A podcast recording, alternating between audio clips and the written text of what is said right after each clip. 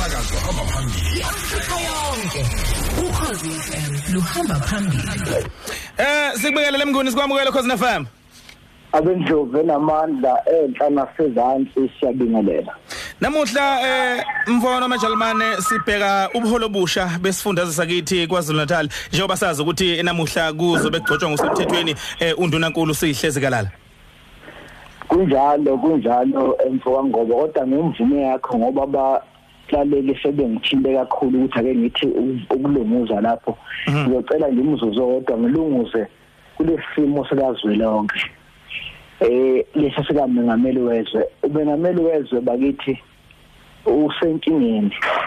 Inkinga yakhe isekuthenini izethenjwa zakhe ezimbili abefisa ukufolosa ngazo eh zihamba ama commission kakhulukazi eh, isekela mengameli kakholo sengakho ke njengoba ethi uyahlehlisa nje into okwakuthiwa izokwenziwa ngesonto noma namhlanje wenzela ukuthi ikomiti le-ANC elizothola umbiko phakathi kwanamhlanje nakusasa lekwazi ukuthi lucubungule bese lizwa-ke isinqumo leso mayelana nomnumzana umabuso.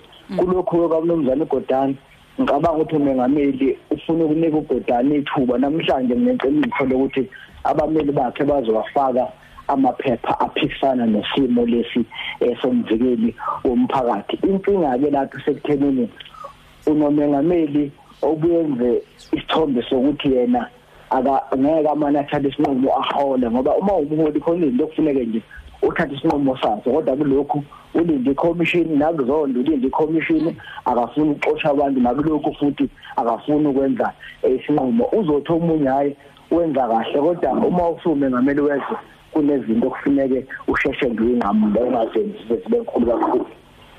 Mase sibuyela kulolu daba ke lapha eh kwelendlovukazi umthaniya umnomzana uzikalala ubhekene nenkinga enkulu. Isithebe sincane abantu baningi. Ngisho ukuthini na?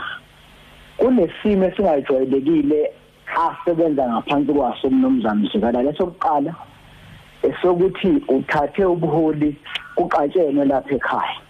Mm.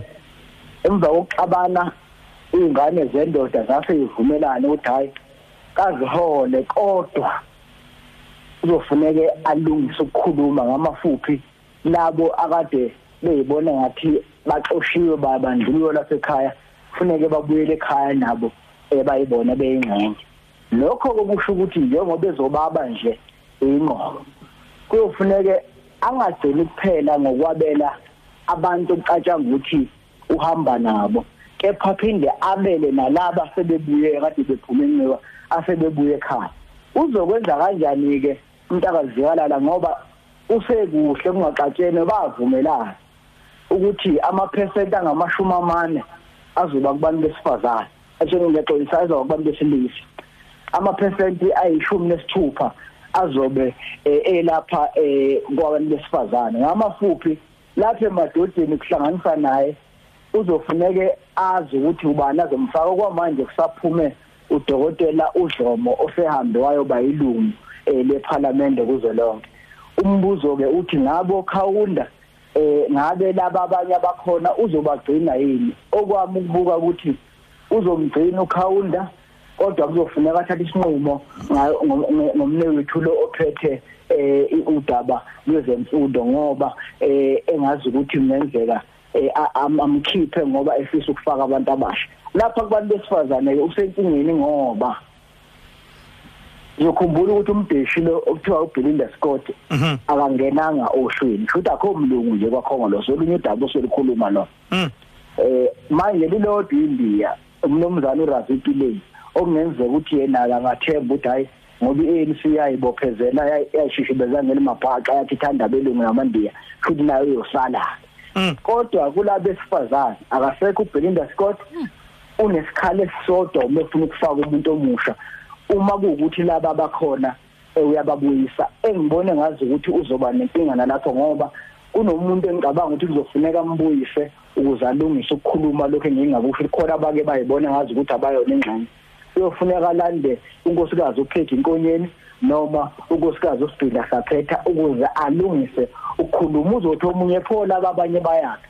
Okwami ukuhlaziya ukuthi babili abantu okungenzeka ukuthi eh bangabuya banesiqiniseko.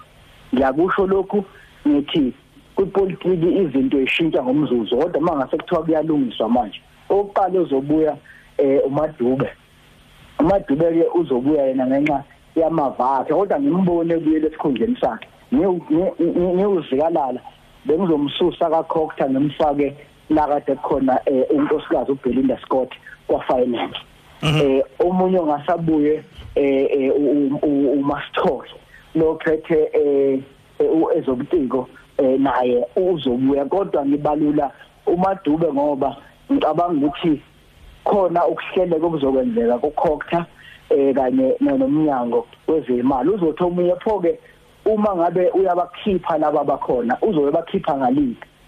Khumbula futhi ukuthi mhlabe begcozwa bonke laba bakhona manje babe nezikhundla eziphezulu kukhongolose abasenazo sekukhona abanye.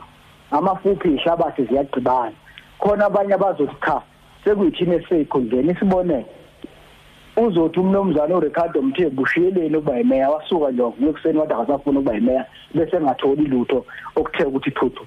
Uzo umnomzana emshengu eh wentsha yena uzothini ngoba phela ukhona uphethe into. Umnomzane uhlomuka naye futhi ngicabanga ukuthi abanye bamagama lawo okungenzeka ukuthi angene. Ngamafuphi mfowethu uzikalala usesimeni esinzima kakhulu obuhlungu kakhulu ukuthi eza kwabo zivese seziyiqala ilimpi lapha ezantsi uma ubuka lapha emgungundlovu ubona umgungundlovu usha nje into leyani ehleliwe ezama ukumfaka ingcindezi uzothi omunye isiphumelele ngoba nangu umnumzana uSuphazuma usenesikhundla esiphezulu eParliament umbuzo ukuthi ke uzokwazi ukukhipha ungqongqoshe wezemfundo khona manje? Njobe sefake omunye wasemgungundlovu okunomzana uSuphazuma lithe lami angakwenza lokho kodwa ukuyena ngakolunye uhlangothi itheku okuyilona elinamagatsha amaningi kuzo lonke liyasha nalo. Uvese umnumzane uzikalala usenkingeni ukuthi sekukhona sebemninde ngokuthi ukuboshwa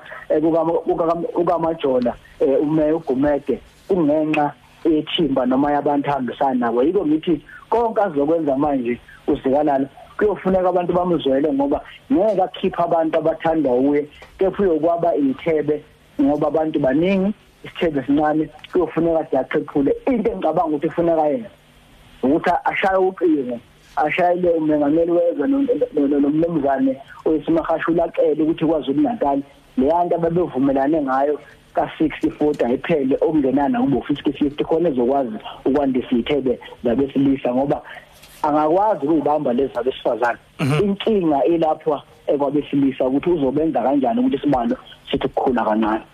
Mfowethu mntaka kuyezwakala mntaka baba. Eh cishe kuningi esikubhekile nekuzokwenzeka. Nina ke njengabahlazini zode nje ke nisikhathazele ukuthi ngempela iziphi ezinye zezinto esingayilindela. Sibonga kakhulu mntaka baba. Sengathi ungaba nosuku oluhle mfowethu. Siyabonga mfowethu. Usuku lonke siyoloku eh ku Twitter nakuma Facebook siveze ukuthi sekum kanjani ubani ongenayo ubani ongenzeka ukuthi sebevumele ntayi noma angangena kulokho aqhubeke nokunye. Konje sikuthola kanjani mntaka? Eh bani ngizokuthiwa kuthiwa nhlanhla ethi nhlanhla mntana ngizobasho njalo. Base bethi lapha ku Facebook kuthiwa eh uba uba head news. Lokhu zisho njalo kanjalo nolabuhlanga khona ku Facebook okay mfowethu kodwa leya kwaZulu Natal njengoba ngisho nje akazwele bakithi ukhuzeni abantu baningi ababethenjisiwe nabacabanga ukuthi bakufanele kodwa sithebe sincane Mm. Kulungile mfowethu wona majalmani sibonga kakhulu mfowethu. Siyabonga. Danke mngoni.